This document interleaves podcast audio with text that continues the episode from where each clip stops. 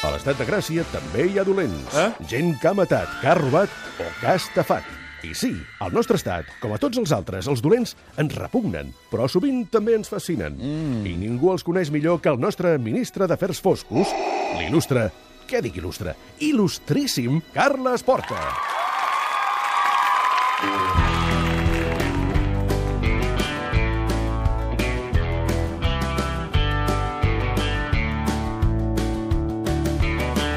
Passar la frontera el maleter d'un Mercedes verd i atrotinat. Molt bona tarda, Carles Porta. Bona tarda, president. Com estem? El nostre ministre d'Afers Foscos, que va encetar la setmana passada el primer capítol d'aquesta història terrible que ell va titular La mort venia en camió, un cas que va començar a Hostalric, a prop de Girona. Si us sembla, fem una cosa, fem una mica de resum per veure on ens vam quedar en el capítol anterior.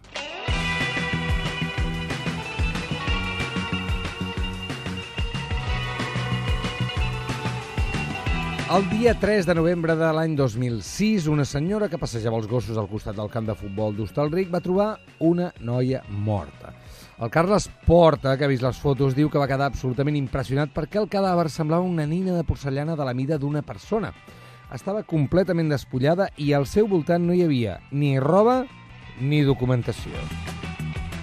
A la zona on havien abandonat el cos es van trobar unes roderes de camió, concretament d'un tràiler, i unes marques que mostraven que havien arrossegat el cos des del camió fins al lloc on l'havien abandonat. I el cos de la noia, concretament les cames i els peus, mostraven senyals d'arrossegament. També semblava clar que la noia havia estat escanyada perquè tenia marques molt clares d'una mena de cordill al coll. Al cos de la noia també hi havia molts cabells a les espatlles i a tota la part superior de l'esquena. Dos dies després de trobar la morta, eh, es va presentar una denúncia per desaparició i es va saber que es tractava de Miglena Petrova, una noia búlgara de 20 i pocs anys que exercia la prostitució en una carretera de Sant Julià de Ramis. Una companya de feina havia vist una cosa. Va dir als Mossos que el dia abans que aparegués morta havia pujat a un camió amb matrícula alemanya, un camió cisterna blanc.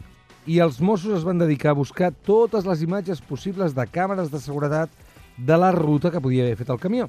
I aquí és on ens vam quedar, sense resultats. Però atenció, perquè el Carles Porta ens va parlar d'un cop de sort. Qui va ser, quin va ser el cop de sort? Doncs això ens hauries d'explicar tu, Carles. La setmana passada vam dir que els Mossos havien recollit moltes imatges de càmeres de seguretat de les empreses del polígon industrial d'Hostalric i de gasolineres de la ruta que havia pogut seguir el camió, però que les càmeres enfocaven a la porta de cada edifici i no a la carretera. Per tant, els investigadors acumulaven decepció perquè tenien una noia morta, segurament pel conductor d'un camió cisterna blanc, però no podien identificar el camió que molt probablement ja hauria marxat de Catalunya.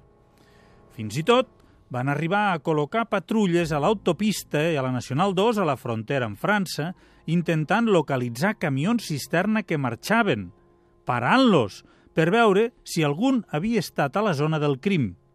I res de res. Fins que va passar això. Escoltem l'intendent Jordi Bascomte. I de la gran sort que amb, una, amb un polígon industrial enfront d'on es va localitzar la noia, hi havia una empresa, aquesta empresa s'havia havia posat una sèrie de càmeres noves de seguretat i el vigilant que hi havia allà, doncs mira, eh, jugant o no, mm, jugant amb el zoom, etc etc, ens va sortir una fotografia perfecta del camió. Això passa una vegada d'un milió. Va sortir una foto perfecta del camió. Ja no es podia fer res per salvar la vida de la pobra Miglena, però sí que es podia lluitar per atrapar l'assassí. Agafeu-vos fort perquè comença un viatge absolutament al·lucinant. Ens trobarem una altra mostra que la vida, la realitat, són guionistes insuperables. A les imatges de la càmera de seguretat es veu clarament el camió cisterna blanc, però no es veu la matrícula. El vigilant, provant, provant, jugant, enfocava cap al camí i es va topar amb el camió, però ell assajava moviments amb la càmera, Clar. No estava buscant un assassí, ni buscant un camió, ni buscant res.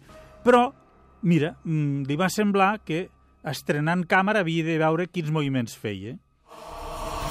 I no era de nit, sinó que era una mica més de mitja tarda. Encara era de dia. Segur que era aquell camió? Els Mossos es van mirar i remirar les imatges i van veure que a la cisterna hi havia un logo, el logo de l'empresa de transport Schmidt Ibèrica.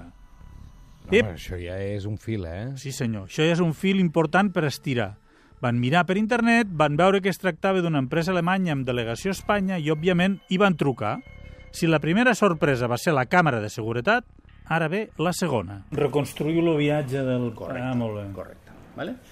Que circulaba con la cisterna de la empresa Smith, el número tal, matrícula tal, este camión el día 2 del 11 realizó una descarga de una empresa de la localidad de San Feliu de Buixalleu, Girona, a dos kilómetros donde apareció el cadáver. I com sabem això? Pues perquè contactem amb l'empresa Smith. Alemanya, pum pum, i escoltin, vostès són propietaris d'això? Sí, escoltin, això, tal, aquesta cisterna, quin recorregut han fet tal.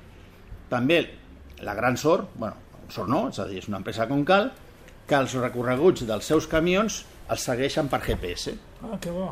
Per consegüent, l'empresa ens va poder dir en tot moment el recorregut que aquest camió va fer, quan va parar, quan deixava de parar, etc etc perquè el GPS Hòstia, te'l dona. I amb això, clar, ja va ser la guinda que ens va permetre re, re, resituar el recorregut de l'home, on va parar, què va fer, i tot coincidia plenament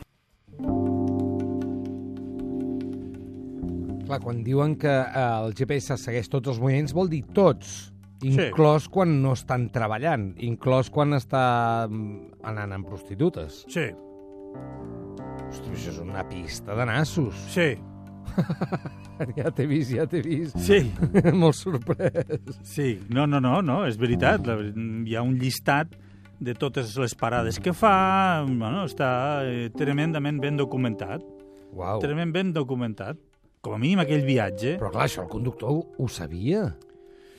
Però, Sí. Però perd els papers, segurament. Bueno, és igual. Tira, tira, tira. Bueno, ja, ja mos hi trobarem, ja, Ja, mos hi clar, trobarem. clar, clar, Ara sí, estem sí. buscant l'assassí d'una noia, no? Sí, sí, totalment. Estem buscant això.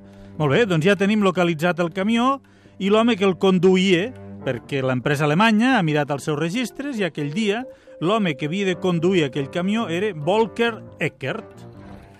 Això és el que li consta a l'empresa alemanya, Sí, eh? Ja sí, com sí. dic sempre que ningú corri, eh? D'acord, jo ja estava corrent. El carregament que portava era de plàstic granulat i poc després del migdia del dia 2 de novembre de 2006 havia descarregat 20.000 quilos d'aquell plàstic granulat a la factoria de neoplàstic a Sant Feliu de Buixalleu. Recordem un parell de detalls horaris. La testimoni va dir que la Miglena havia pujat al camió a les 10 del matí. El camió descarregava Sant Feliu al migdia i es va estar dues hores descarregant. On era la noia?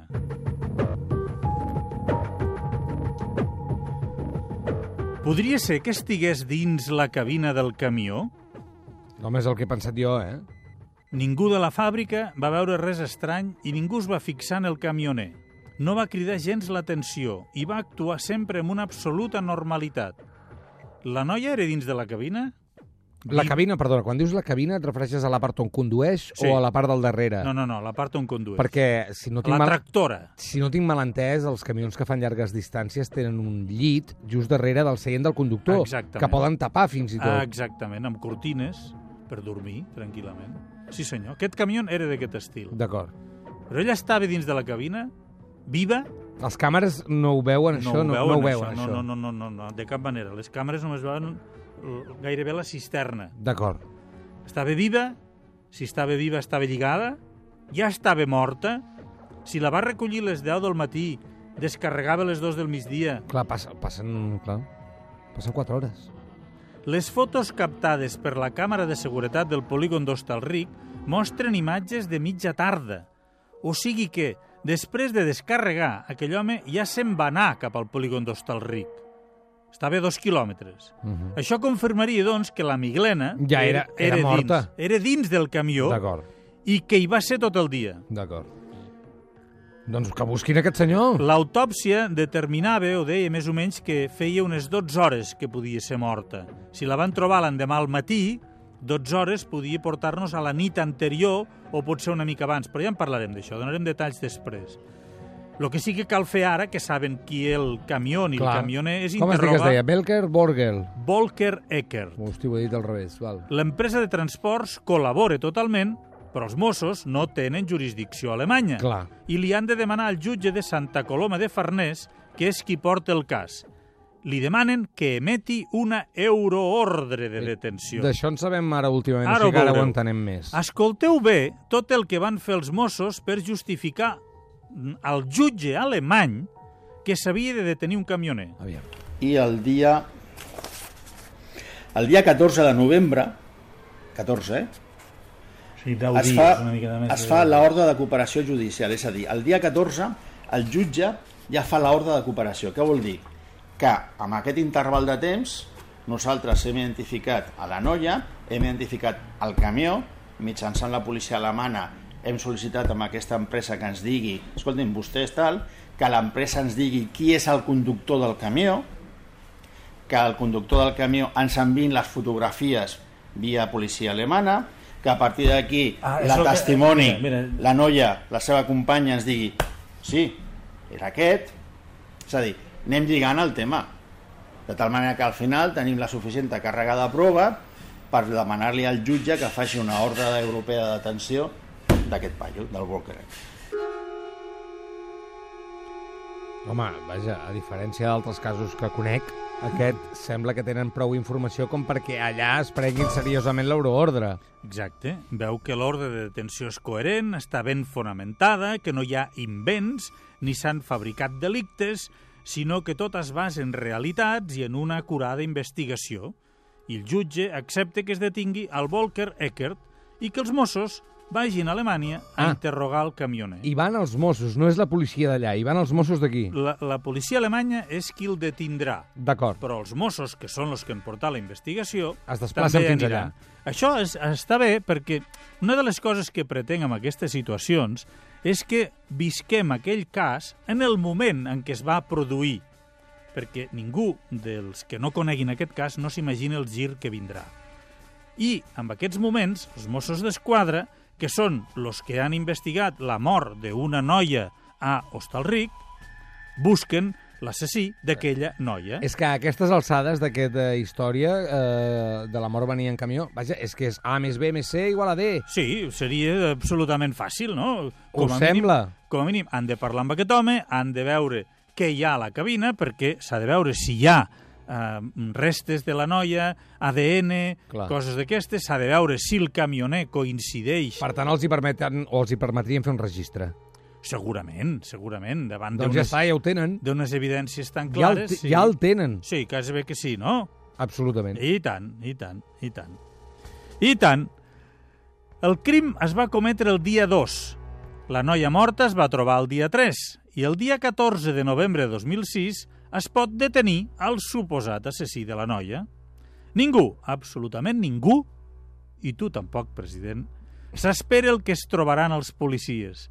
Com sempre, no s'ha de córrer treure conclusions, però ja veureu la sorpresa que espera els investigadors a la ciutat de Hof, al Land de Baviera, una ciutat de 50.000 habitants on viu Volker Eckert, un home de 47 anys de qui els veïns d'Escala van dir que era molt amable, sobretot amb els nens i nenes, Boia. perquè sempre els portava regals quan tornava de viatge. Però això, això és el que es diu d'un assassí sempre. Era molt amable, sempre saludava, portava regals... Sí, que portava regals als no, nens i això no, nenes. això m'ho he inventat, però sempre es diu que era molt amable. Bueno, ho És sabrem, ell, és ell. ho sabrem la setmana que ve. Gràcies, Carles.